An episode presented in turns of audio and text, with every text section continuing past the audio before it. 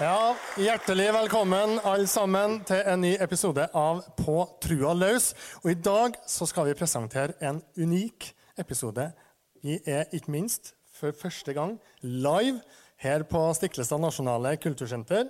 Og vi har også med en helt spesiell hovedgjest i denne episoden. Han har fått medalje fra selveste kongen. Han ble på et tidspunkt kåra til Trøndelags morsomste. Han har sannsynligvis tatt flere dugnadstimer enn de fleste her i Verdalen og på Stiklestad. Eh, han er en skikkelig ildsjel. Nå må alle sammen ta godt imot vår hovedgjest Tor Haugmark.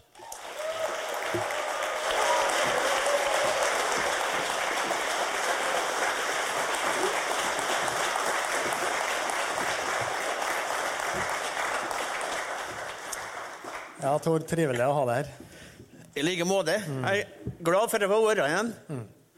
Det var, det var jo sånn når du kom, så ble det så naturlig å gi deg en klem. Ja. For du er jo en klemmer. Jeg er en klemmer. Og det har, det har jeg ifra, ifra da vi starta opp med teaterlaget. I, i, I teaterlaget er det bestandig vanlig når vi treffes, å så ta omkring hverandre. Ikke være redd for å vise litt følelser. Mm, I Verdal teaterlag. Det var i Verdal. Hvor, hvor, når begynte det for deg? Nei, Det begynte vel antagelig når, eh, i den tiden at vi, vi, vi starta opp, da. Ja. ja. Men, men, men når var det du liksom eh, ble naturlig for deg å gi folk klem? Nei, det tror jeg har vært med, med lenge. Ja. Ja. Du fortalte meg at en gang så ble du vertinne i Stiklestad sokneråd. Ja. Og det Sokneradet ble ikke det samme etter, at, etter fire år med Tor Haugmark. ja vet, vet du det at eh, jeg, jeg, jeg, husker på første gangen jeg møtte bort på kapellet i, som representant i, i, i soknerådet. Og der så jeg at det var vanlig med håndhelsing. Litt eh, stift. Og jeg glemte meg nesten, altså. Og, så, og det var forresten mora di, Aslaug, som eh, jeg skulle Mora, mora mi, altså. Ja, mora di. Og Aslaug. Og da tar han omkring henne, og så gir han skikkelig god klem. Jeg så på dem som eh, sto rundt der, at denne var vel ikke vanlig, nei. Og det burde kanskje ikke være det. Men eh, eh, sak for å gjøre det ganske kort, så ble det vanlig. Vi, hver på hver eneste møte når vi møttes, så tok vi omkring hverandre og kjente at eh, her er vi. Vi er to. Jeg er helt sikker på at det har Soknerådet fortsatt med, og det kan du ta æra for. Hvorfor er det viktig det her å ta borti hverandre?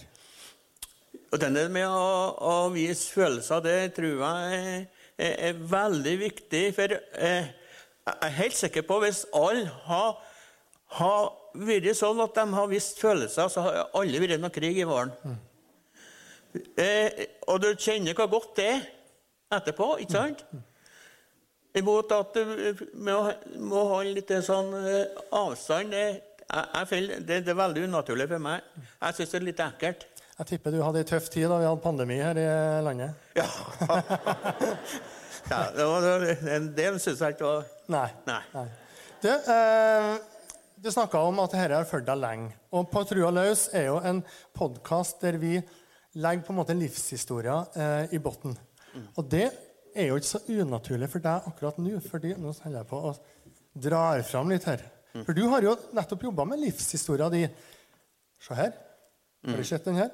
Det er altså boka «En Tor, som du skrev. Det var vel egentlig først en gave til ungene dine. Og så ble det så mye mer, og nå er det flere som har bestilt et eksemplar av boka «Thor». Ja. Hvorfor var det viktig for deg å skrive ned livshistoria di? Jo, for at eh, eh, den begynner å bli så eh, lang og omfattende at eh, eh, Jeg fikk jo en bok fra Tore sønn at, eh, til pappa at du skulle skrive om den historien din i, i den boka. Jeg kjente på det at eh, eh, nå etter så mange år så er ikke håndskrifta sånn som en gang var. Det, jeg tror ikke det har egnet seg i ei sånn bok heller. Men, men typografen i meg, den er hen. Og jeg syntes det var artig å prøve om at jeg, jeg klarte å lage til boka sjøl. Og det klarte du, og den er kommet ut, og mange har allerede bestilt uh, den. Uh, og den historia di, den starter jo Du er født rett før freden. Mm. Først kom du, og så kom freden. Ja. Eh, og, og, du vokste opp, eller hadde de første ti årene på, hverdags, eller på prærien. Ja. Det var så flatt nedpå der at de kalte det for prærien. Ja, det... hva, hva, husker du fra oppveksten din? Hvis du skal ta fram én ting. Jeg, jeg, husker på det at jeg, en fikk jo de første vennene sine. Mm. På, på prærien. Vi, vi bodde på noe som het Røde Mølle. Det var fire, det var fire leiligheter der. Og jeg vokste opp fram til jeg var fem år. Og denne var jo nå i, midt i, i sentrum. Og, og, så var det, det mange familier rundt omkring i nabolag. Og alle begynte å få unger i nabolaget. Gutter. Og alle fikk gutter. Ja. ja. Ingen har vært ja. Og det var litt, jeg har, jeg har, skjønt på boka di at det var litt oppfinnsomhet. Du skriver bl.a. om ei brannøvelse som ikke gikk akkurat ja, som den skulle. Ja da, jeg, jeg fikk ikke være med på den, men broren min han, Arne Martin han fikk være med på den. Han var vel en av de forgrunnsfigurene, tror jeg. Og eh, han, han eh, Asbjørn Daling han har en far som var brannmann, han Alf Daling. Og så var det om vinteren, og så hadde de funnet ut at de skulle leke. At det var brann. Ja. Og eh, jeg husker at Faren min syntes sikkert at det var artig, for han, han arbeidet på meieriet. Han ordna noe, noe, som så ut som hjelmer, og ha med seg hjem. Og Så fikk de hjelmer på. Og så skulle de arrangere brannøvelse. Vi var naboer med, med Hagen, Gustav Hage, familien der. Og de var høner. Og så var stormene kom, de, og det var det baby baby, da, sjølsagt. Og de storma inn i uthuset der, og de var høner der. Det de ikke visste, å sette opp stoggene imot eh, døra der, og de, de visste ikke at døra gikk innover. Og høna ut. Og det var stordugnad, for alle familien måtte ut for å lete høna. for De for og lagde dem stevet. Da var det jakt på prærien? Da var det jakt på prærien. Ja. Det ble kanskje ikke noen flere brannøvelser? Nei. Det ble slutt. Ja. Men du, du, nevnte faren din, Jon Matheus, ja. som var meierist. Ingrid var mora di. Du hadde to brødre etter hvert, da, Arne Martin og, og Knut. Knut ja. Eh, og dere hadde altså en heim da nede på Verdalsøra. Hva slags verdier var det som prega den heimen?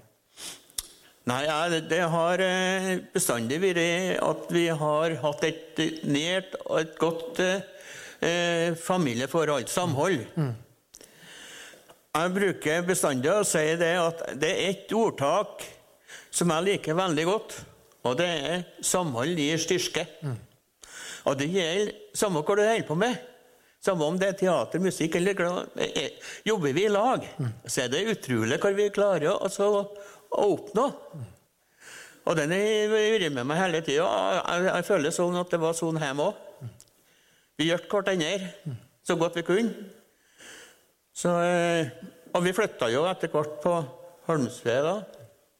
Jeg, jeg, jeg, jeg flytta Eh, jeg var en fem år gammel da. da. Så eh, vi bodde ikke så langt unna eh, Skileparken. Parken med Herreshuset. Der var det noe vann. Og har vel sett at noen for og rent rundt oppå der. Rundt, rundt, ja. Så jeg har vel lura meg vekk og for og sprang rundt oppå der, jeg òg, og ramla uti. Mm. Og ettersom jeg, jeg fikk fortalt, så kunne det ha gått galt. Men akkurat eh, i, i, den vasi så kom han Carl Olsen. Han var, han var gartner. Blomsterhandler. Så jeg tror han har vært i, i veien og levert noen blomster. Han så det. Han var, fikk det i kragen på meg og løfta meg opp. Det var bra han gjorde det, så vi fikk det, arrangementet her. Det var bra han gjorde det. Men han, han begynte meg på en mange ganger ja. etterpå. Ja. Samhold og fellesskap som verdier. Denne podkasten heter jo På trua løs. Hva er tru for deg? Nei, det er eh, Hva er det som, som er mellom himmel og jord? Mm. Ja. Jeg tror ikke at denne er noe mål, iallfall ikke for meg, også ikke ha noe tro. Hadde du det når du var ungen, ungdommen på Ja. Jeg hadde det. Ja. Jeg var kveldsbønna mi hver kveld. ja. Du forteller meg at den ble lengre og lengre. Ja. Men eh, det, det kom til et eh, punkt. Fordi at, fordi at du stadig må ta med noen nye i kveldsbønna. Ja, ja det gjorde jeg. Og, eh, men men det, eh, jeg, jeg følte vel en periode at eh, Nei, kanskje Og det var vel den tida jeg var i militæret. Jeg, jeg, jeg, f- i følelsen av at det, det egnet seg kanskje ikke så godt å ligge der og så be bønn og la, la med den gjengen som eh, lå på rommet. Vi var jo ti stykker på rommet. Og eh, det var eh, litt, lite kvart og kvart da, når, når en sånn gjeng samles. Ja. Så jeg, jeg var vel borte fra det en periode. Ja. Jeg må innrømme det. Ja. Men, men i, når du liksom nærma deg det da i uh, ungdomstida, hva slags gud var det du forholdt deg til da? Ja, var, jeg, ja, det var en gud som jeg, jeg følte at han uh, passa på meg.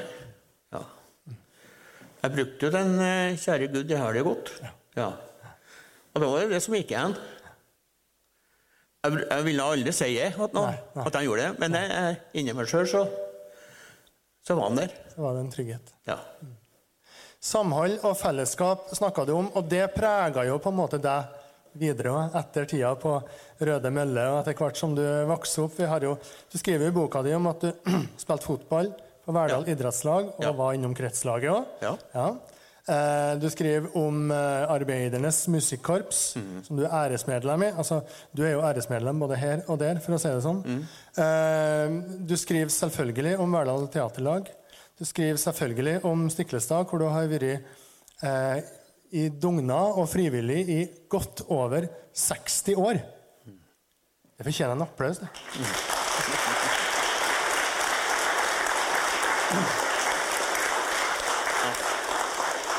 Hva er det alt det her har betydd for deg? Det har eh, betydd veldig mye for meg. Og eh, jeg vil jo nevne det med det samme at eh, det er ikke av denne som jeg ikke kunne, som jeg kunne gjort uten at jeg har hatt en familie som har vært med og støtta meg. Toril har vært i Fenmedal. Kona di? Så, eh, men vi støtter hverandre. Så når hun og så har jeg vært med og støtta hun, og, så, og hun har jo sjøl vært med i over 40 år, hun òg. Oppå igjen. På systua forskjellig. I starten så var hun med og dansa, hun òg. Og nå har jo hele familien vært engasjert. Eh, vi holdt på å regne i hop at eh, med, med alle guttene og, og svigerdatter og så var, har vi 180 år til sammen. Ja, fantastisk.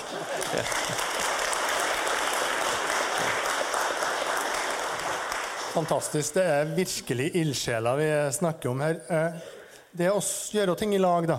Hva gir det deg? Hva har det gitt deg gjennom alle de årene? Det har gitt meg veldig mye.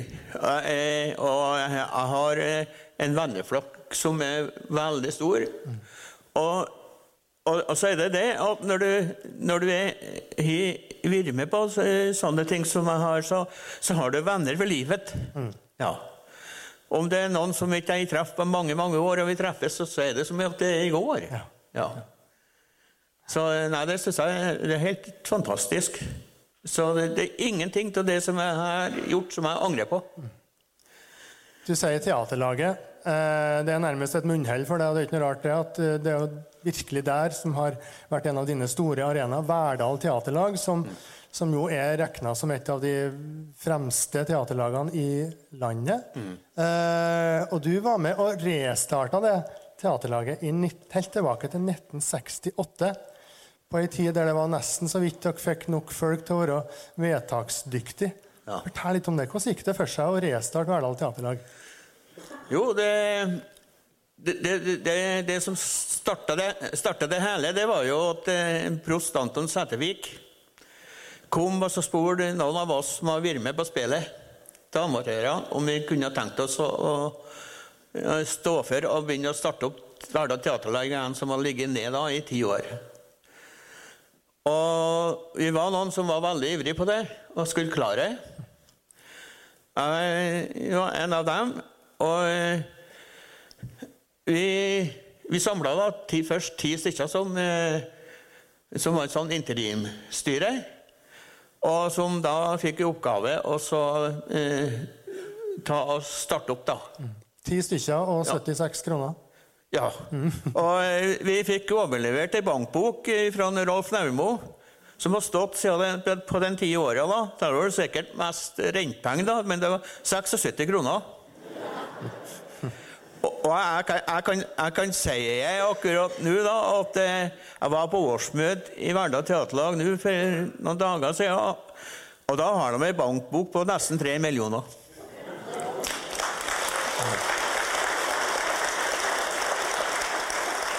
Men eh, vi, vi satte opp da eh, eh Vesterfrikk med fela. Og det gjorde vi på, på bakgrunn av at eh, for ti år siden så skulle de sette opp det med han Ståle Bjørndaug som Vesterfrikk. Men så ble Ståle sjuk, så det ble avlyst. Og laget ble lagt ned. Men kulissene de var der. Og der var det en mann som mange takk kjenner sikkert igjen, han Harald Skaland, som var øh, han sto og tok imot billetter på kinoen, gammelkinoen før i tiden. Ja. ja. Og han som har mala den kulissene og laga dem, og han var redd for dem, så han hadde tatt vare på dem. Så jeg for hjem til Skaland for å hente kulissene. Og da var han Skaland på arbeid, og, men fruen var hjemme. Og hun var så mye glad. For noen av kulissene lå på under senga deres, dobbeltsenga deres. Det var kulisser litt overalt. For det var kulisser for tre aktige, så det ble mye, vet du. Men vi fikk til kulissene, og vi, vi satte opp Veslefikk med fela. Og det var stor spenning før da. Og, men vi, vi, vi klarte å komme i gang.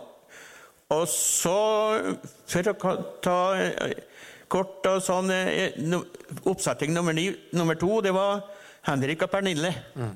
Som gikk 17. mai i, i 69. Da skjedde det at eh, eh, de som har vært med på de to oppsettingene, de begynte å gå klar. De ba om å bli fritatt.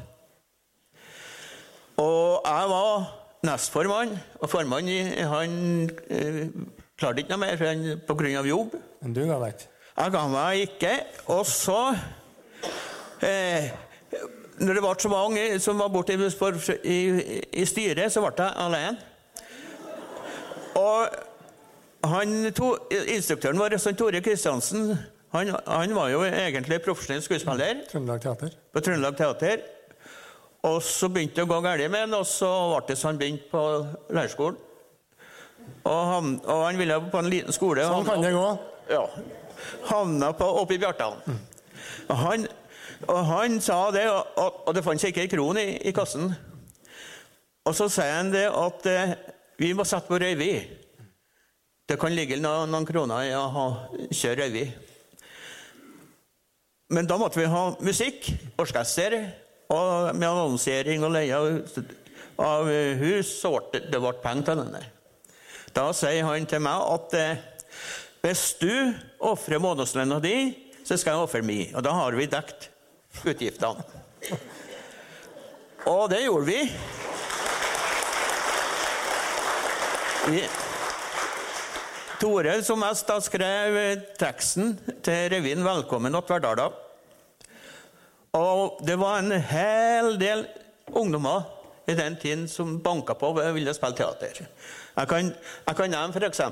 Det var den generasjonen til Hildegunn Eggen, Turid Hafstad Tidligere direktør på Kulturhuset. Ja. ja.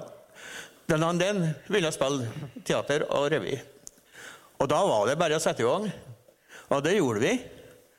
Og vi kjørte vel tre-fire fulle forestillinger, og så ble det penger.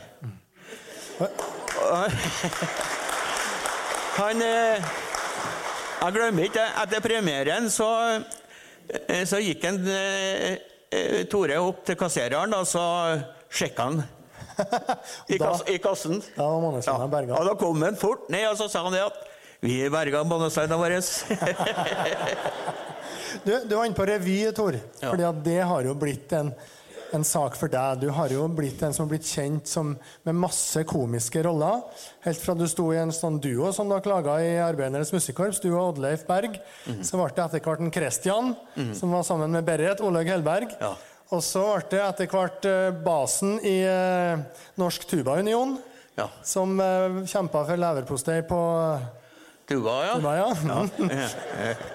Og så har det jo etter hvert blitt Ensliges musikkorps. Ja. Og du var på revyfestivalen og skapt furore, og du vant, som vi vant på starten her, en uh, konkurranse i Trondheim som de uh, uoffisielt kåra til Trøndelags morsomste. Hvordan har det vært i livet som artigkall? Det, det, det er mest artig. Men, eh, men det, du, du skjønner det at eh, når, når du er en vanlig familiemann, så er det ikke alltid like enkelt og greit å dra hjem igjen. Det kan skje ting hjemme. ikke sant? Ungene er dårlige eller et eller annet. De vil at du skal være hjemme. Men når du går gjennom døra og ut, så kjenner du på den ideen at eh, publikum har jo lik rett til også å å- å få samme forestilling i kveld som ellers. Så da må du mobilisere veldig for å være artigkall den kvelden òg. Jeg husker at du sa i et intervju eh, for en god del år siden at eh, jeg kan godt være artigkall på kvelden hvis jeg kan få være en stillfarende kar på dagtid. Ja. det er noe med denne. Den. Nei da, det har vært veldig mye artig, og jeg har fått oppleve veldig mye. Eh, Allerede på 70-tallet så har vi noe som heter Hagmarksister, der vi for rundt og, og turnerte. Arnulf eh, Haga og Roar Tromsdal vi- for land og strand rundt, nær sagt. Og, og, og han, eh, Hans Rotmo kom og spurte om ikke fikk lov til å være med oss, han òg. Og han, og han, eh, han Hans Det var, før at han liksom slo skikkelig til med bømmel. Så ville han eh, prøve ut stoffet sitt. Og da ville han være la med oss. Og det var, han var med på flere, flere oppsettinger. Eller eh, ja, underholdningskvelder, da. Og det var jo mange som flira bare de så deg, Tore. Du har jo skrevet i boka om at du en gang så skulle prøve å ha en seriøs rolle i et Agatha Christie-stykke, var det vel? Ja, det var ikke så enkelt. Ja, det, det ble litt annerledes. Jeg skal spille en, eh, en sånn mystisk mann som heter for Paravicini. Musefellen. Det var Agatha Christie, og, og det har gått i mange, mange år i England. Det var en sånn turistattraksjon å se Musefellen. Men vi var noe av de første som hadde det. Og da tok en, eh, Tore Kristiansen sjansen på at jeg skulle ha en, en rolle. da. Seriøs rolle. Ja. Og så kom jeg Jeg, skulle, jeg kom på sida av sideteppene, og så skulle jeg komme rolig inn sånn sånn. Ingen skulle, ingen skulle vite at jeg var der. Og så var det stilt, og så kom jeg der. Og så reiser publikum seg, og så flirer Øla hele CD-en min. Og han Harald Våge, Våge han skrev i Adresseavisa dagen etterpå at Tor Haugmark burde ikke hatt en rolle. Vi er veldig mange som er veldig glad for at du har vært artig, Karl ja. Tor. Og Verdal Teaterlag har jo vært som vi snakker om, en sånn ramme for veldig mye av engasjementet ditt. Og nå skal vi altså få en smakebit fra Verdal Teaterlags siste oppsetning, juleforestillinga 'Optimist blir bra igjen', med Jahn Teigen-musikk. Og det ble vel etter hvert en hyllest til norsk helsevesen. Her er i hvert fall, folkens, ta godt imot Lavrans Haga, som spilte hovedrollen som Viktor Sibelius, og André Dyrstad.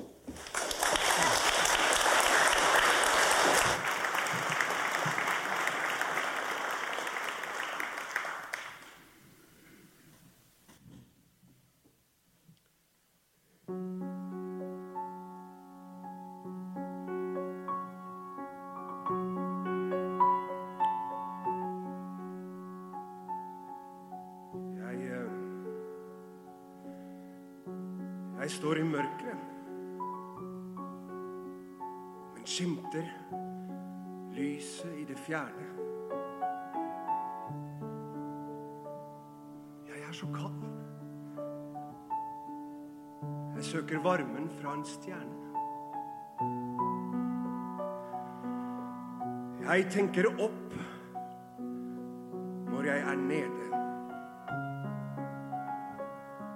For jeg er en optimist.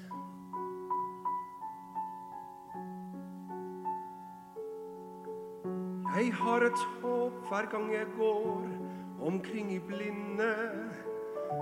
Det fins en sol i oss som snart skal begynne å skinne. Som får meg opp når jeg er nede, om og om og om igjen.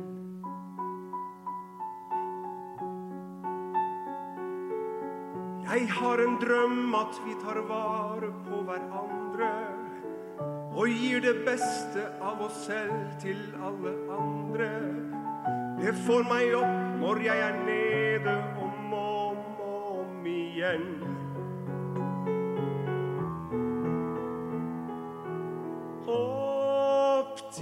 Optimist, jeg vet det går bra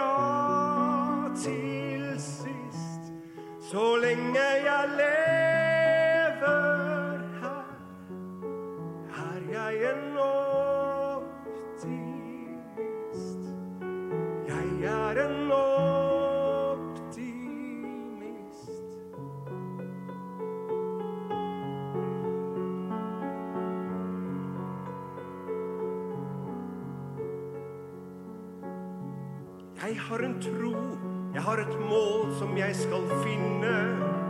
Jeg har en kraft, og det er viljen til å vinne.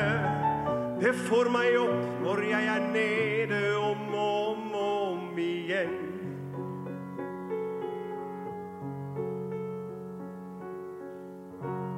Vil at livet blir en dans i lyset. En dans for håpet og en dans for gleden. En dans i frihet og en dans for freden. Det skal gå.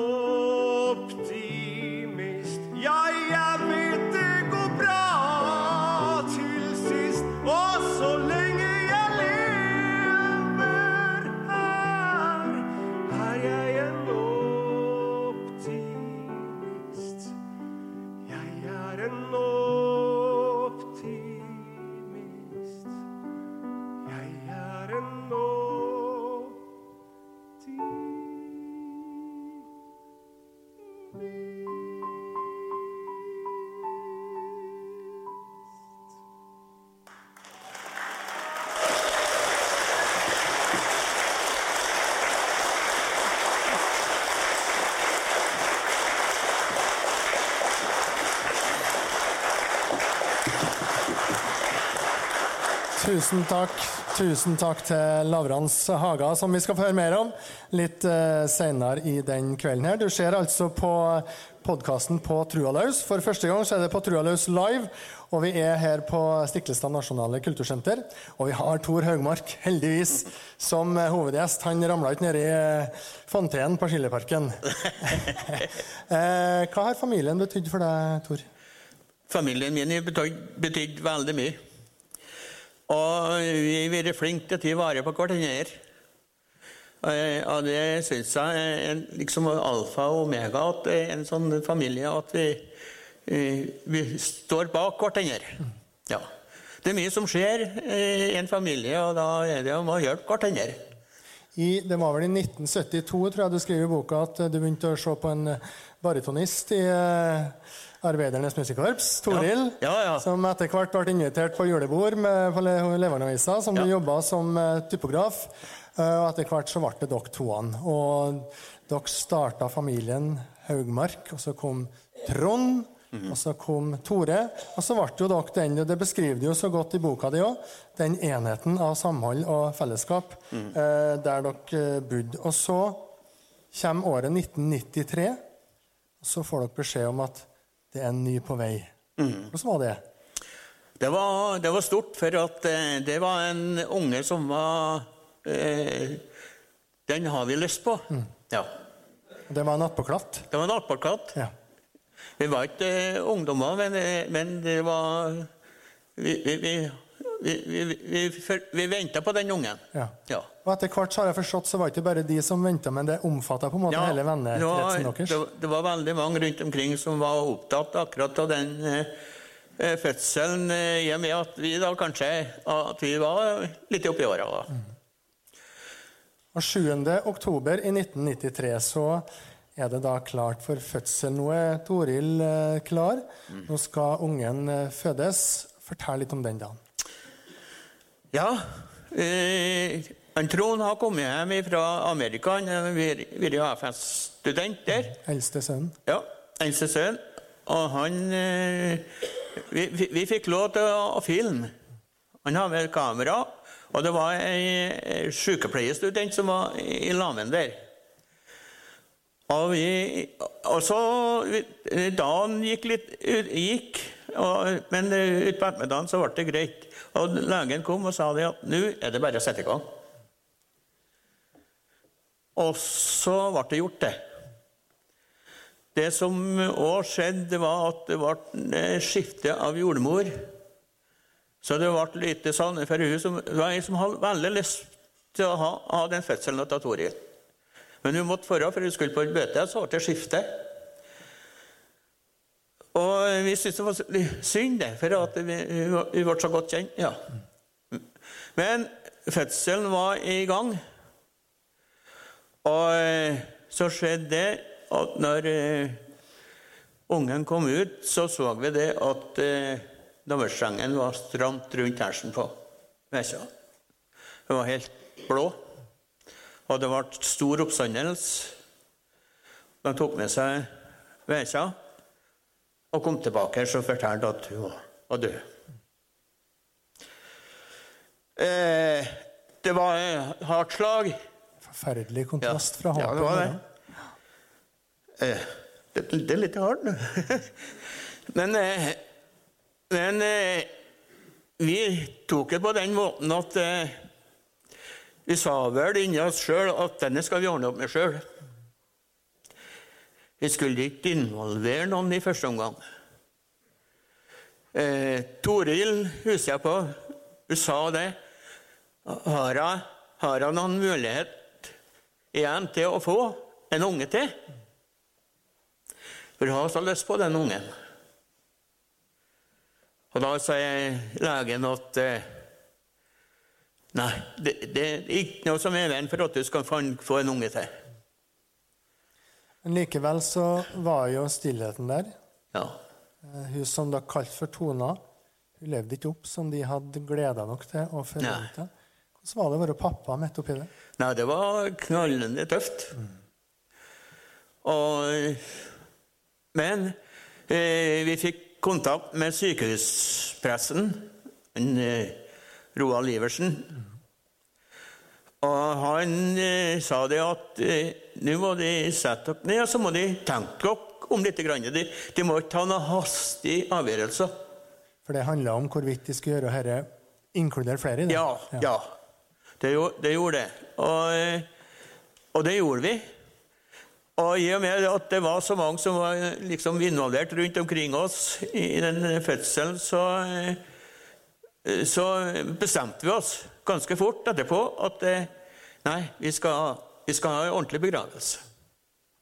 Så tok de Vekkja med dere hjem. Ja. Hvorfor gjorde de det? Jo, for hjem så lå, lå eh, eh, eh, kørga som vi skulle ligget i når vi kom hjem. Vi var ferdig oppredd. Og så inviterte vi alle kjent, kjent venner hjem på Mæla. Og så fikk de lov til å se. så ble vi ikke alene. Og det kom over 40 stykker hjem og ville se messa og ta bort henne. Det var vi veldig glad for. Ja, hva betydde det for dere? Det betydde veldig mye. For det, å, å være ensom i sånne stunder, det er, det er ganske hardt. Du tror at du er så sterk, men du er ikke likevel. Og det ble en veldig fin stund her. Det er jo mange som har tenkt sånn som kanskje dere tenkte først, at dette, denne ungen kom jo så vi aldri noe liv i. og Derfor så dysser vi ned det. Det Mhm. forteller meg at det, det er folk som har kommet og fortalt om historier til deg etter at Ja. du sjøl fortalte om de. For det skal jo sies, da, for å måtte trekke meg bitte litt inni der, òg, at i 1994, for snart 30 år siden, Tor, så fikk jeg lov til å komme som journalist for Trønderavisa, og dere åpna opp og delte, fortalte den historien. Det gjorde stort inntrykk på meg som ung journalist. Men det førte jo også til at dere fikk en del tilbakemeldinger. Ja, det gjorde det. det er, eh, vi ble veldig overraska, for det kom eh, folk til oss som fortalte at de har vært gjennom det samme. Noen har ikke klart å sagt det til fam- familiene sine. De gikk alene og bar på det. Og det var ei som òg fortalte at hun, hun, hun kunne kjøre innom de forskjellige kirkegårdene. Ligger ligger ungen her, eller ligger ungen den? Klart det er hardt. Og, og når, du, når du tar mot til å komme til oss og så forteller den den, da betyr det noe. Du, du har aldri glemt det. Og det er det du ikke. Og dere har en gravstein på Ørdalsøra kapell. Der står det Tona. Ja. Født 7.10.93. Ja. Død 7.10.93. Ja. Hva har det betydd å ha en gravstein å gå til? Det, det har betydd mye, og det betyr veldig mye å få, få gå dit. Du fortalte meg det, Tor, at uh, dagen før begravelsen Da hadde Tona da uh, ligget hjem til dere, og de hadde hatt omslutta med, også med vennene og familien rundt, så skulle de gjøre dere klar til begravelsen. Mm. Tona skulle legges i kista. Og mens de gjør det, så står radioen på. Mm.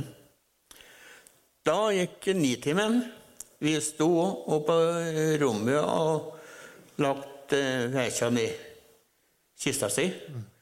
Da plutselig så spiller i radioen eh, Bettan sin 'Danse mot vår'. Det var sterkt. Og eh, det satt i veldig lenge attåt, så vi glemmer det aldri heller, da. Sånn at vi da måtte legge lokk på, da.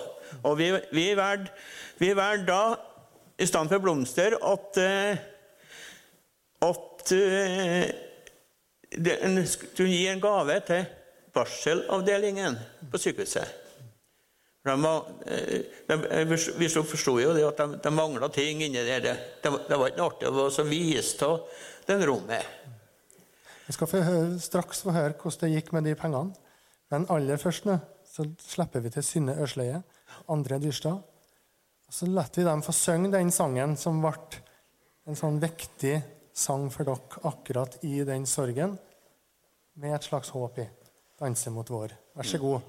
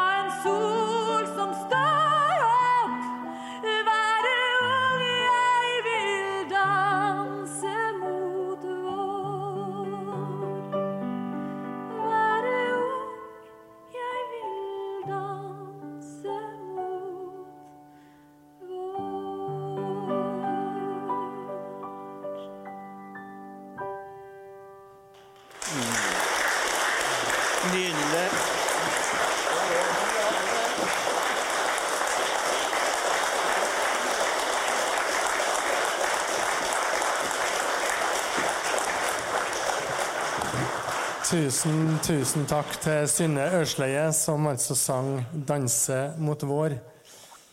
Går det bra med deg, Tor? Ja da. Det går helt. Bare ta litt vann. Det er utrolig godt å høre på deg. Og En liten er drikker, sjø. Veldig takknemlig for at du deler. Og det er jo håp i 'Danse mot vår'. Eh, og det er jo også en dimensjon i den historia her. Fordi at eh, Tona død 7.10.1993. Så går det noen måneder, og så får dere en ny beskjed. Eh, eh, når jeg, etter at to, eh, Toril da har håp om at det ikke var, var noe farlig å få en unge til, så eh, klart da prøvde vi. Og eh, det er jo ikke noe å legge skjul på det at eh, eh, det var mye som skjedde under OL på Lillehammer. Det var mange seire der. Ja.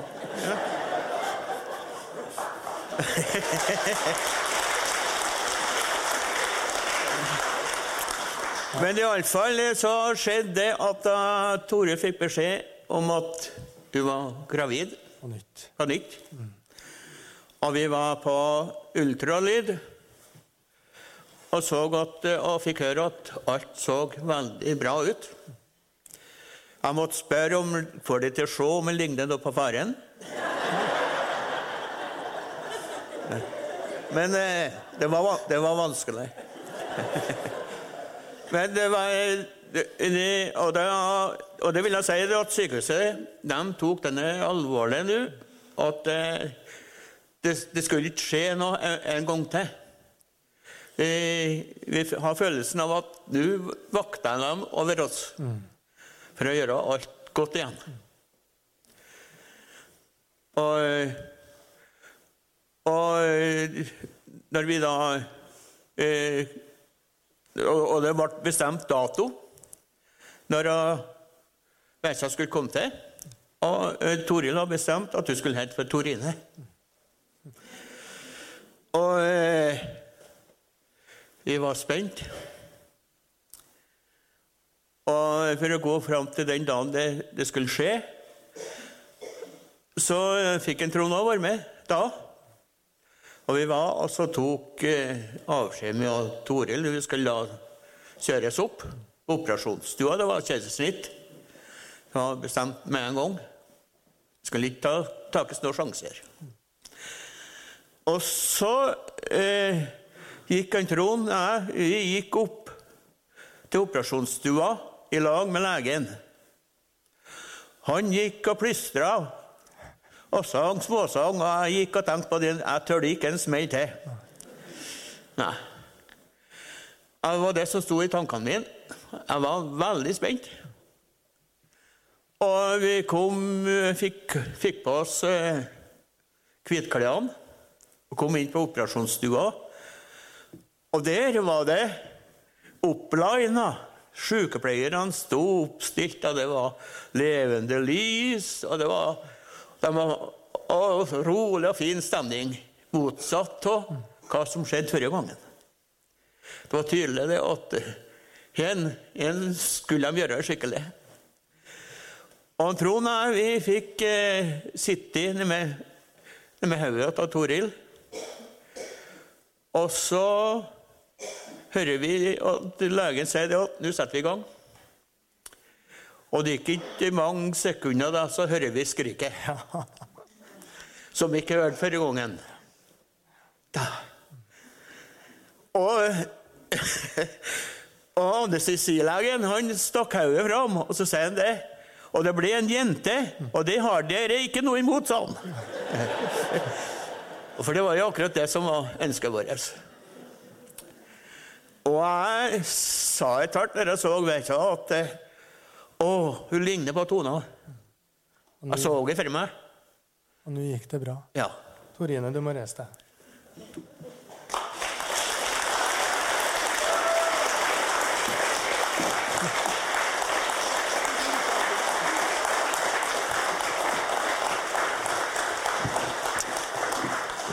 Det var jo da Torine var nyfødt at jeg fikk komme til dere. Intervjua dere. Det var rett før jul i 1994 nå, da. Og da sa du altså at i år blir det jul på innsida. Julebudskapet blir sterkere. Det har jeg tenkt mye på etter at Torine kom i november. Jeg kan ikke skjønne annet at det fins en Gud når jeg har fått et nytt og friskt barn etter at vi mistet vår lille Tona i fjor. ja. Hva gjorde alt det her med trua di? Ja, det, jeg, vet, jeg, jeg, kunne ikke annet enn å eh, tro at her var det noe som sto bak. Eh, jeg, vil, jeg vil, en ting som jeg vil si, Finn, at vi, vi, vi går så langt for at eh, eh, Trond og vi fikk varme vekjer fra fødestua og ned. Vi fikk eh, liksom se og ta borti bordkaka og alt. Og så fikk vi Trond er jeg gå inn på den barselrommet. Der var det levende lys og, og pynta og fint. Og Trond satt med Torine. Og, og han, skjen som en sol over hele tida. Og så plutselig gjespa hun, og så sa han Og, og så gjesper hun også! ja, og alt ble så nytt og trivelig. Og så kommer vi inn ei sykepleier. Og så, så forteller oss det at eh, den kommoden, den skapet og den ideen har vi kjøpt for de pengene som ble tatt av Tona. Der kom pengene. Og da ble det Ja. ja det, var, det var stort. Ja. Men det, som du sa, da, at eh, eh, det ble et helt nytt liv etter at eh, vi klarte å få og, og Torine. Så, eh, og Men du hadde jo opplevd både den største smerte og samtidig den høyeste glede. Og Hvordan var det da å på en måte forholde seg til, som du har snakket før, ei gudstru? Det ble, det ble mye sterkere. Alt ble, alt ble mye sterkere. Ja. Jeg må bare innrømme det. Det, var, det, må, eh, det må nå være noe mellom himmel og jord som når, du, når vi får en sånn gave. At da Torine kommer 13 måneder etterpå, at det som skjedde Før at det er Da er det et eller annet. Jeg kan ikke forstå annet. Og det er jo ofte i nettopp de, den type faser i livet, når du virkelig står der helt bar eh, og opplever både smerte og glede, at man også kan stille de store spørsmål. Og det er jo noen blant oss som er tettere i kontakt med dem enn andre. Nå skal vi invitere opp på scenen en tredje gjest. Eller andre gjest blir det. Jeg er jo ikke akkurat gjest. Eh, nemlig diakon i Verdalen, Bitte Dillan. Gi han varm applaus.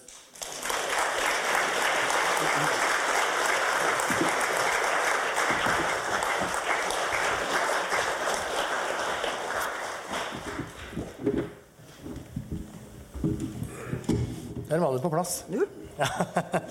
Hva, hva tenker du når du hører historien til Tor? Eh, For det første så ble jeg jo veldig rørt. Um, Men det er så bra at noen snakker så åpent om sorg. Eh, Det syns jeg er veldig viktig. Vi skulle vært flinkere til å snakke om sånn tap, alle sammen.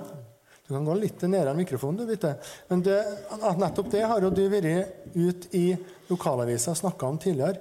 Åpenhet om sorg. Eh, som diakon møter du ofte det her at det her er det vanskelig å snakke om. Ja, det er mange som uh, syns det er vanskelig å snakke om sorg. Um, og i hvert fall ta det første steget og komme til oss. Um, så dess mer vi er åpne om det, dess uh, mer håper jeg at folk snakker om det. Ja. Hva sier du til folk når, når du møter dem i deres dypeste krise? Jeg er her for deg. Um, Det er det som er viktig å være sammen um, og i et fellesskap, og det å ta. Som vi snakka om tidligere. Ja. Det er òg viktig. Og så kommer samtalen av seg sjøl. Jeg kan spørre om hvordan har du det akkurat nå? Og da kan de raskt åpne seg. Eller vi må arbeide litt mer rundt den saken, da. Tor, hva, når du var i sorgen, hva tenkte du at du hadde mest behov for da? Av folk rundt deg? Av kirka? Ja, eh, iallfall så eh, var det veldig viktig at vi som eh, familie sto i lag og snakka om ting. Og vi var ikke redd for å snakke om ting, noen av oss. Og sette ord på det. Sette ord på det. Ja. Eh, Bitte, du har jo, som du hører, du er jo en profesjonell sorgarbeider på mange måter. Du har det jo som din jobb og, Prøver og på en måte drive omsorg. Og ikke minst da møter du jo Det er jo kanskje det lokalkirka virkelig står sterkt i møte med folk som er i, i sorg. Altså, du er profesjonell, men du har jo også opplevd det her sjøl. Du har også mista en unge. Ja. I 12. mai 2000 så mista jeg dattera mi, Monica. Eh, Hun ble 20 år. Så um, Og jeg lurer på om hun har født samme datoen som en Tore. Sønn nummer to til en Tor. Ja. Eh, Så det var jo den verste sorgen som eh, jeg opplevde. Eh, Sju år før så mista jeg faren min og trodde at det var det verste eh, jeg kommer til å oppleve. For at eh, pappa vet som jeg var. Så um, trodde jeg det går ikke videre. Men det var en helt annen sorg. Eh, type sorg å miste dattera. Hva, hva ligger i det? Um, det ble mye mer fysisk. Uh, Sjøl om vi var flinke i familien til å snakke om en pappa og sånt òg. og vi var åpne når vi mista Monica òg. Men um, det var mm, en direkte fysisk smerte som satt i veldig lenge. Um, og de siste åra så har jeg reflektert litt mer over det. At eh, det er så mange typer sorg vi er inni. Enten du mister eh, søsken, eh, barn, forelder, besteforeldre. Eh, Det er Det er forskjellige typer sorg. Og så er ingen som er lik. Nei, ikke sant? Vi var inne på det her med tru på trua løs etter denne podkasten. Hva gjorde det med trua di å miste et barn? Eh, Det gikk på trua løs. Det endte dit at eh, jeg nesten brøt med kirka. En, som en Tor fortalte. Kjære Gud, jeg har det godt. Det har vært med meg fra jeg var barn. Eh, Og var en vanlig eh, folkekirkegjenger som gikk til kirka når det var barndåp, begravelse eller noe sånt. Det er sånn de fleste verdalingene er. Eh, sånn at Men jeg fant ingen mening i det som skjedde. Eh, presten prøvde å sa at Gud er god, han vil ingen noe vondt. Eh, det var et, en setning som eh, eh, Da rakna det, rett og slett. Trua var borte. Men så var jeg gjennom samtaler med diakon eh, at jeg etter hvert ble litt nysgjerrig på ordet diakon og diakoni. Og da kom trua tilbake, eh, og sterkere enn før, da. Hvordan var trua da? Hvordan så det ut når den kom tilbake? Eh, Det Når jeg var ungen, så var Gud en gammel mann med skjegg og sånt. Eh, Men når trua kom tilbake, og jeg kjente at nå Nå går jeg nedover igjen. Så var det to hender som løfta meg opp.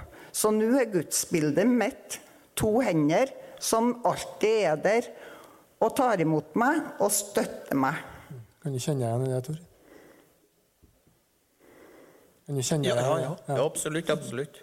Eh, Bitte var jo inne på det her med mening. Eh, Du mista jo Tona. Du har også mista to brødre. Du mista foreldrene dine. Ja. Eh, mor di døde da du var ganske ung. Ja. Eh, går det an å finne mening i det? Nei, det syns jeg ikke.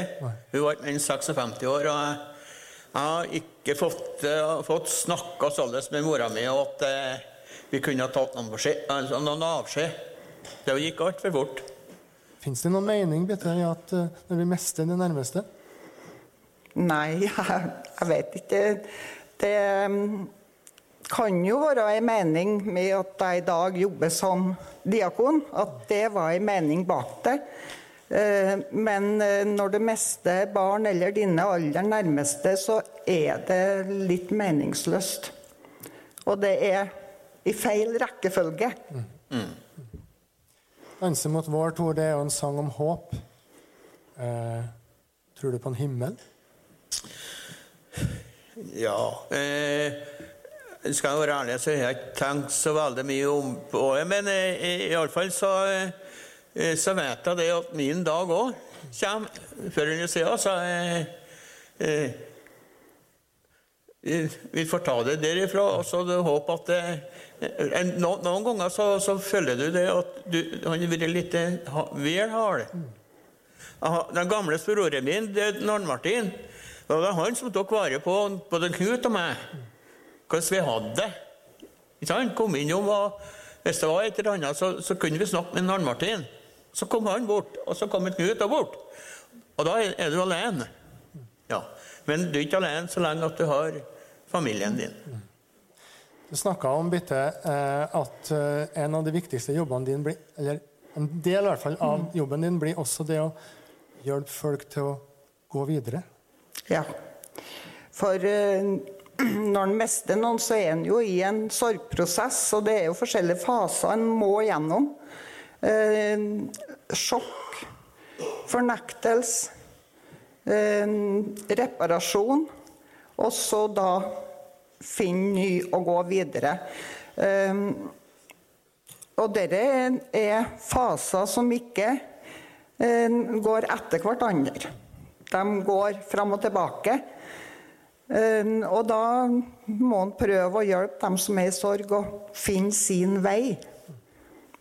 Og kanskje i eh, samtalegrupper eller sorggrupper hvor de møter likesinnede. Da. Vi prøver å sette sammen sorggrupper eh, som passer i lag.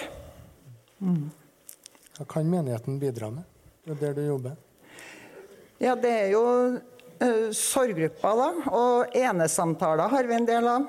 Um, og før alle helgen nå sist, så prøvde vi med temakveld om sorg.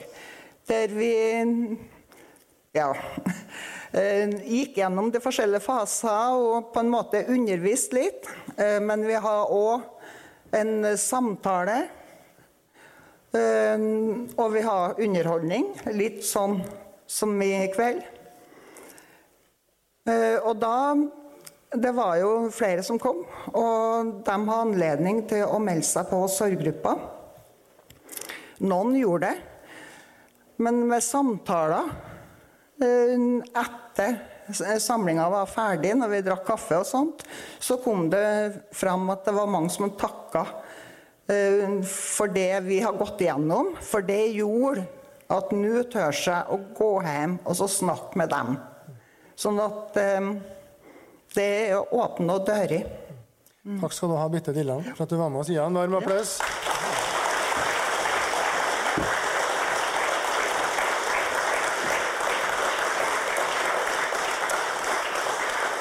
Tor, Tor, du har stått på scenen mange ganger. Du er vant til kjappe sceneskift. Nå skal vi snakke om noe helt annet.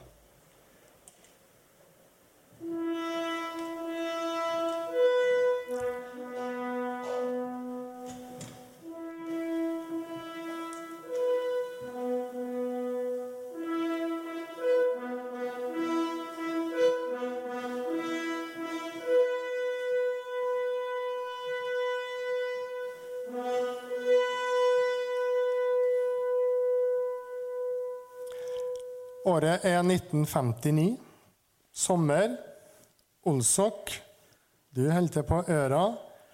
På Stiklestad, Stekstad, så har de satt i gang med et eh, spel. Akkurat nå så heter det Stiklestad.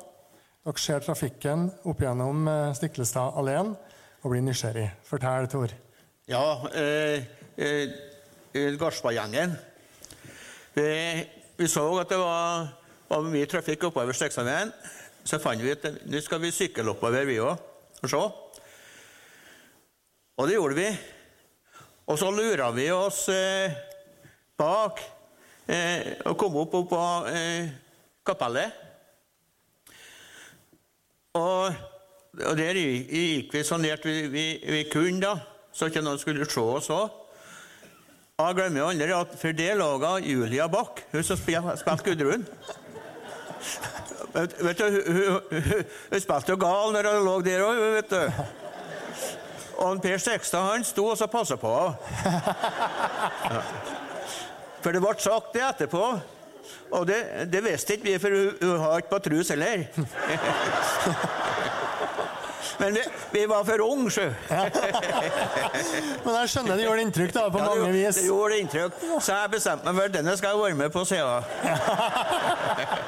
Og 1960, da, året etterpå, Ja. så meldte du deg til dyst. Men det Ja, var, meldte det var noe med meg. høgda. Ja, det, da meldte jeg meg på som, eh, som herremann. Men eh, de fant fort ut at jeg var for liten. Ja. Men jeg kunne få lov til å så være med og så selge sjokolade. Og da fikk vi jo sånn, eh, sånn kasse fra mamma oss da, og, og, med sjokolade oppi. Og jeg, jeg tror ikke jeg solgte noen heller, for jeg, var, jeg, jeg ble så opptatt av det som foregikk på scenen. Ja.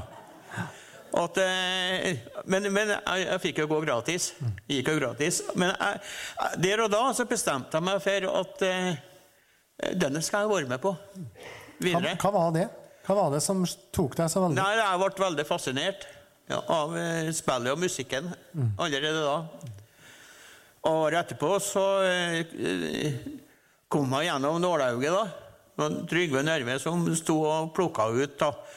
Eh, det, var, bare nede på, for jeg har ikke fikset så mye. Trygve Nørve og instruktør. Ja, jeg var instruktør, men jeg fikk være Herman. Og, eh, og det syntes jeg var artig. Og så skjedde det at eh, jeg jobba jo på Verdal Boktrykkeri. Og i 1962 så vikarierte han Nisse Nordberg, Nils Nordberg som redaktør på Verdalingen. Han har vært med oss og spilt Froste-rollen i 1960. 61. Den som senere ble sjef for Radioteatret. Ja, han ble sjef for ja. Har vært en god venn opp gjennom alle de år. Og så har han fått tilbud om å spille Einar i 62. Og, og da ble det ledig i den frosserollen. ja. ja da, og så sier han det du, du må hive deg på, og så prøv, du òg. Være med på denne. Og sånn tosk som jeg var, så sa jeg ja. Og kom opp på seksa og fikk avtale eh, da og da så, så skulle den scenen gjennomgås. Jeg fikk en lapp med replikkene, men det var ikke noe dans på frosterollen den gangen. Det var bare replikker. Og jeg skulle spille mot ei som het Gry Enger. Egentlig så skulle jeg ha vært Liv Ullmann, men hun var, jeg tror hun var sjuk eller et eller annet. Men det var Agri Enger. Og jeg kan også nevne det at uh, Agri Enger hun, hun fikk kort varsel. Hun er på å komme til Sekstad. Og, og, og, hun har kjørt scooter over Oslo til Sekstad. Det er Litt, litt av en tur. Han, eh, Ja. han ga en innsats for rollen Ja. på den tida. Men, og, og så sier han Bjarne Andersen at nå tar vi frost, frostescenen. Og jeg, vet- du det at jeg, jeg, vet en dag i dag ikke at jeg var på scenen heller. Men, men heldigvis så Gry Enger hun var jo ganske fersk skuespiller, så hun forsto situasjonen min. Så hun hjalp meg veldig. Sånn at jeg, jeg fikk jo gjennomføre eh, rollen i, i 62. Og så har de jo da hatt mange roller etter hvert. Det har vært Halle, Ja. Torgersson, du har vært eh, Froste snakka du om. Ja. Det har vært både Einar og Jostein, som er liksom guttene på gården Sul i spillet om Hellag Olav. Ja. Eh, og etter hvert så ble du med i reklamenemnda, pressenemnda. Vi klappa jo til deg for at du har vært i nå blir jeg da 63 år, 63 år som eh, frivillig på Stiklestad. Hva har det betydd for livet ditt? Det har betydd veldig mye. Ja. Stekstad har betydd mye for meg. Både plassen og, og, og spillet og alt. Atma, hele atmosfæren. For jeg har følt at eh, det, vi er en eneste stor familie. Vi kommer jo att år etter år. Eh, det samme folket. Jeg vet ikke hvor mange som har 25 og 40 års eh, medaljer og hedersbevisninger, men det er mange. Det tyder på at det er Men, men, men jeg, jeg må få lov til å si en ting. Ja, Ja, at etter 1962, når jeg var ferdig, så var det ingen som sa noe. Men jeg ble herremann året etter.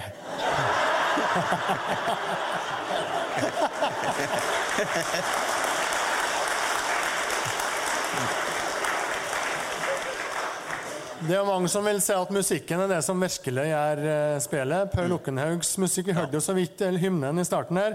Og den er jo, har jo blitt en sånn umiskjennelig signatur på spillet og Stiklestad. Og når folk hører den musikken, så kommer på en måte stemninga med en gang. Og nå skal vi høre litt mer fra, eh, fra Per Lokenhaugs musikk. Og kanskje skal vi rett og slett også høre om Tor Haugmark fremdeles husker en uh, spillreplikk, men det får vi komme tilbake til. Uh, men nå skal vi ønske Lavrans Haga velkommen på scenen igjen.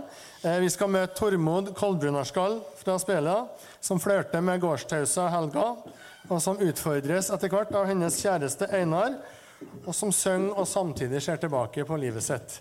Ta imot Lavrans Haga. Og, og André Dyrstad.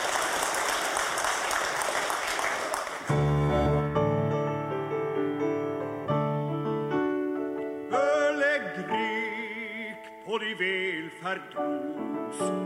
Gjerne så skulle kunden din møte. Jeg drakk og drøste i stunder søte, og flikre hugen min fløgte min. Jeg veit ikke metere tingen ei møy trofast i alvor og trivelig skøy. Utrolige ting kan komme i tanken til visne gråskjegg.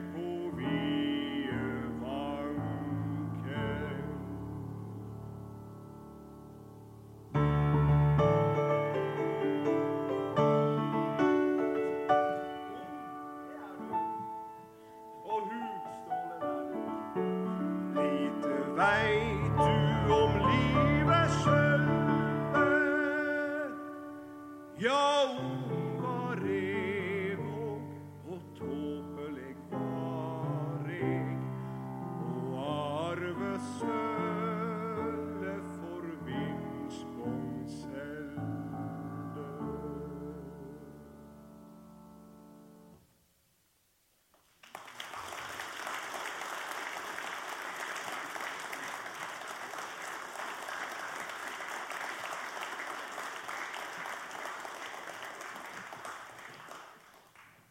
Vi gamlingar, vi stevjast. For vi kan ikke gløyme henne. Fuglane syng, og dei syter for reir. Og dei dyttar med strå, og dei limar med leir. Men skalden, han kve for hogg eller heir. For møyane ser ikke etter han meir. Det er bare dådnatt og en død. Og en munnfull til ut av suttungs mjød.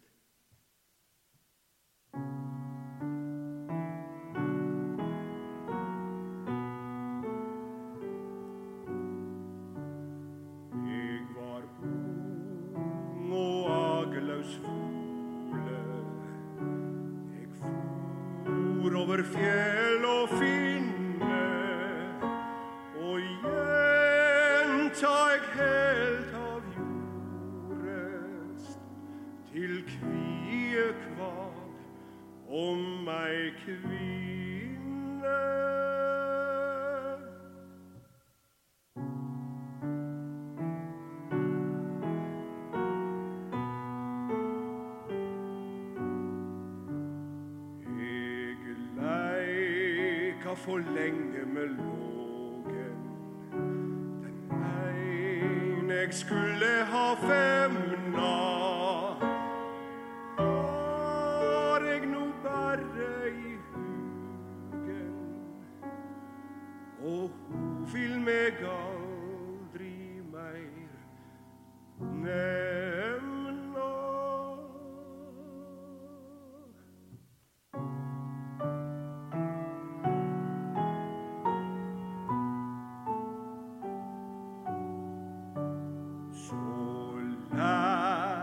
lærde meg livet omsider.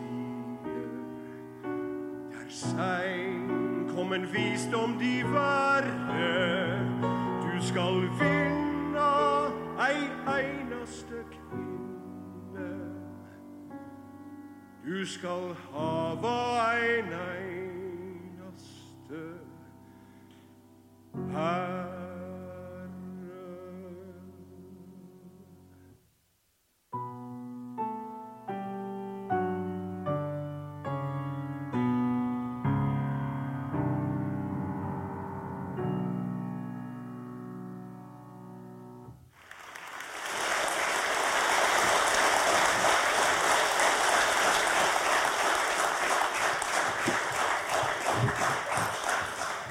Tusen, tusen takk til Lavrans Haga for bidraget ditt til den eh, kvelden her.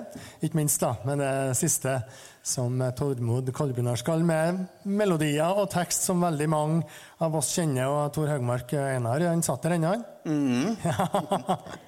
Jo, det er en godkar. Ja, en god og Trua løs, spelet òg har jo en sånn sterk historie om tru og brytning, åsatru, balder, hel, magi, utbura, Kvitekrist som Olav kommer med, og etter hvert dåp og helbredelse i hans navn. Omvendelse. Gudrun, hoved, en av hovedpersonene som blir omvendt. Hva tenker du om alt det her? Nei, det er sterke greier. Og eh, det var en, han, eh, det var en, som, en som sa det, at den den med uh, Gudrun-skikkelsen og dansen det, Den den med, med dans og sang det har stor betydning for helsa, helsa vår. å synge og, og, og, og danse. Og det, det er helt ifra gammelt av. Og det, det har vel med likeså med spillet og du ser hvor mye de, dansen og sangen har, har å si fra Gudrun. Så det er jo ikke bare en tilfeldighet at det, det lages sånn. Er det forkynnelse? Det er vel det. Det er vel det. Hva tenker du om det? Ja, nei, jeg syns det er veldig greit, det. Ja. Og det er jo ei historie som på en måte har eh, betydd mye for veldig mange. Satt i gang noe for veldig mange. Og det har jo vært regissører og instruktører du om Trygve Nørve og mange andre som har prøvd å belyse denne troshistorien på, på mange forskjellige måter. Eh, er det ei historie som har noe å fortelle oss i dag? Eller er det bare tradisjon? Eh, jo, jo det, det tror jeg. jeg. Jeg tror det. Mm, hva da? At, eh, eh, at eh, du, eh, I og med at folk kommer år etter år, så har det betydning for dem. Å å sitte der, Det er jo samme spillet, men, det, men denne den med eh, tekstframføring og, og, og musikken, det gjør noe med en. Ja. Og den tradisjonen er jo den som på en måte skal bæres videre inn i framtida. Det er jo bare sju år til at det virkelig blir festivitas på, på Stiklestad. Da skal det markeres nasjonaljubileum. 1000 år siden slaget på Stiklestad. Eh, og eh, litt tidligere, for noen år siden, så ble det tent en flamme her på Stiklestad som ble båret rundt. Først til Olavsfest i Trondheim, etter hvert til Hundorp i Gudbrandsdalen. Og så har den på en måte ført og skal følge fram til nasjonaljubileet. Og du var med og bar den flammen. Fra den ble tent på Stiklestad. Jeg husker jo veldig godt det bildet som sto i lokalavisa da, der du holdt i den flammen som på en måte kanskje en representant for tradisjon, sammen med Sandra Paulsen Storhaug, Ja. som kanskje kan være representant for den som på en måte skal formidle det her inn i framtida. Ja. Sandra, må du komme opp på scenen?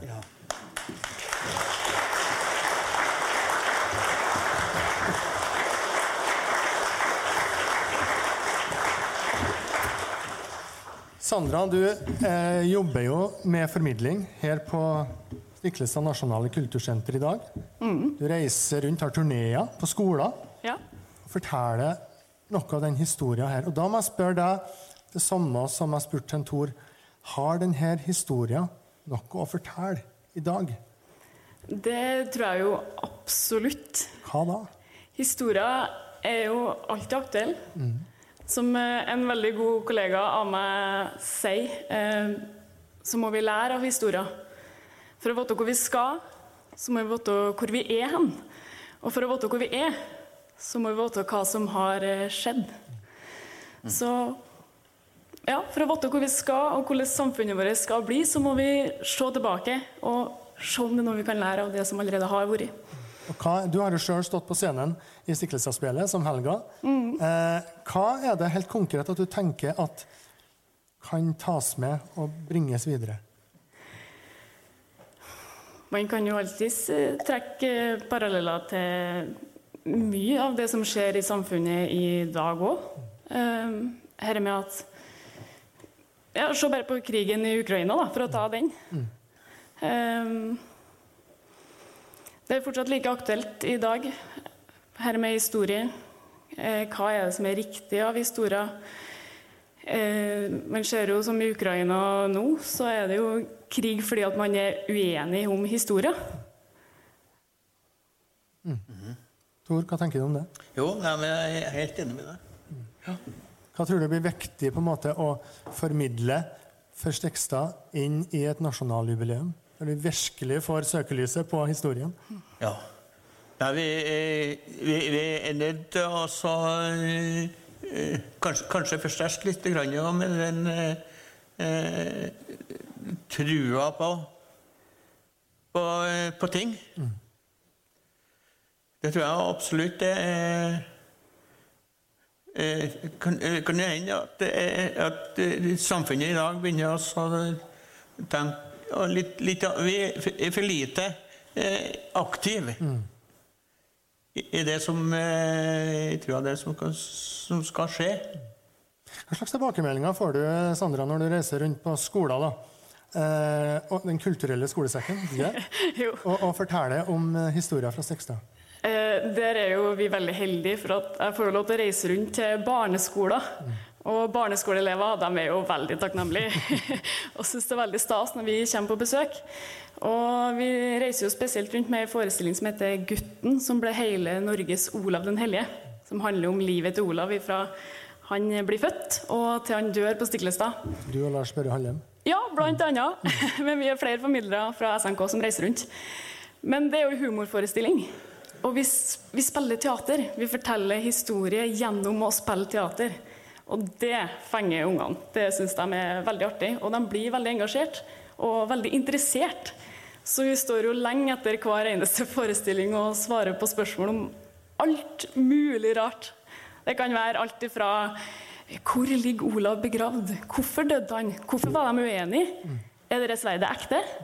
Så det, det er veldig varierte spørsmål, så det er tydelig at det fenger og at det engasjerer. Så det er stas. Vi er heldige, syns jeg. Tusen takk skal du ha, Sandra, for at du var med oss. Eh, og tusen takk til deg, Tor, for at du var med. Nå må vi gi ham en skikkelig applaus.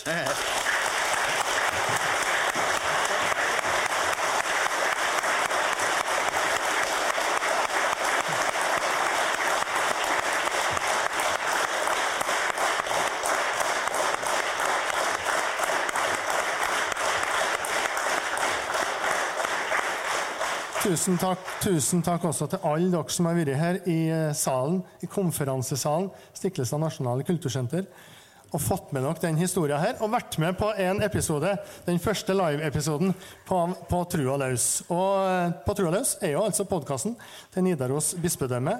Det kommer nye episoder hver eneste uke. De fleste er som radiosendinger som du finner på eh, de aller fleste eh, appene, kjente podkastappene eh, som ligger på nettet. Spotify, Apple osv. Og, og du finner dem også på nettsidene til Nidaros bispedømme. Denne sendinga her har du jo også sett, mange har sett den som direktesending. Og den ligger også eh, som video etterpå på Nidaros bispedømme sine nettsider. Vi håper at du følger med på Trua løs videre. Nå skal vi aller sist ta med oss den sangen som avslutter spillet om Heilag-Olav hvert eneste år, og som er med på å sette i gang de følelsene og den, den tradisjonen, og kanskje da den framtida som Sandra er med å formidle. Eh, her er Synne Ørsleie og André Dyrstad igjen med Olsok. Makter gode, makter gode. De kan vende alt det vonde til det gode. Skal vi si det sånn, Stor? Ja, Ja. helt enig. Da gjør vi det. Tusen takk for at du var med. Jeg blir så opptatt av at jeg synder, så. Ja.